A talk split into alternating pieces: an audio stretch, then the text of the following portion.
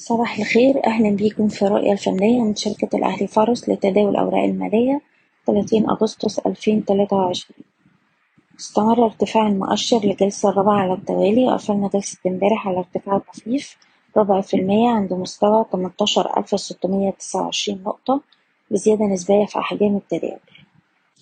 المؤشر بيواجه مستوى مقاومة عند 18757 نقطة متجاوز المستوى ده الأعلى بنستهدف المستهدف التاني عند تسعتاشر ألف ومية.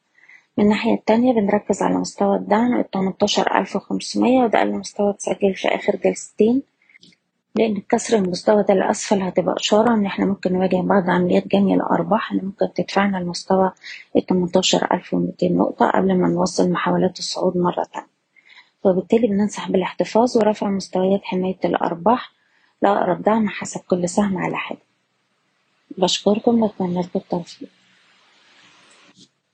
إيضاح الشركة غير مسؤولة عن أي قرارات استثمارية يتم اتخاذها بناء على هذا التسجيل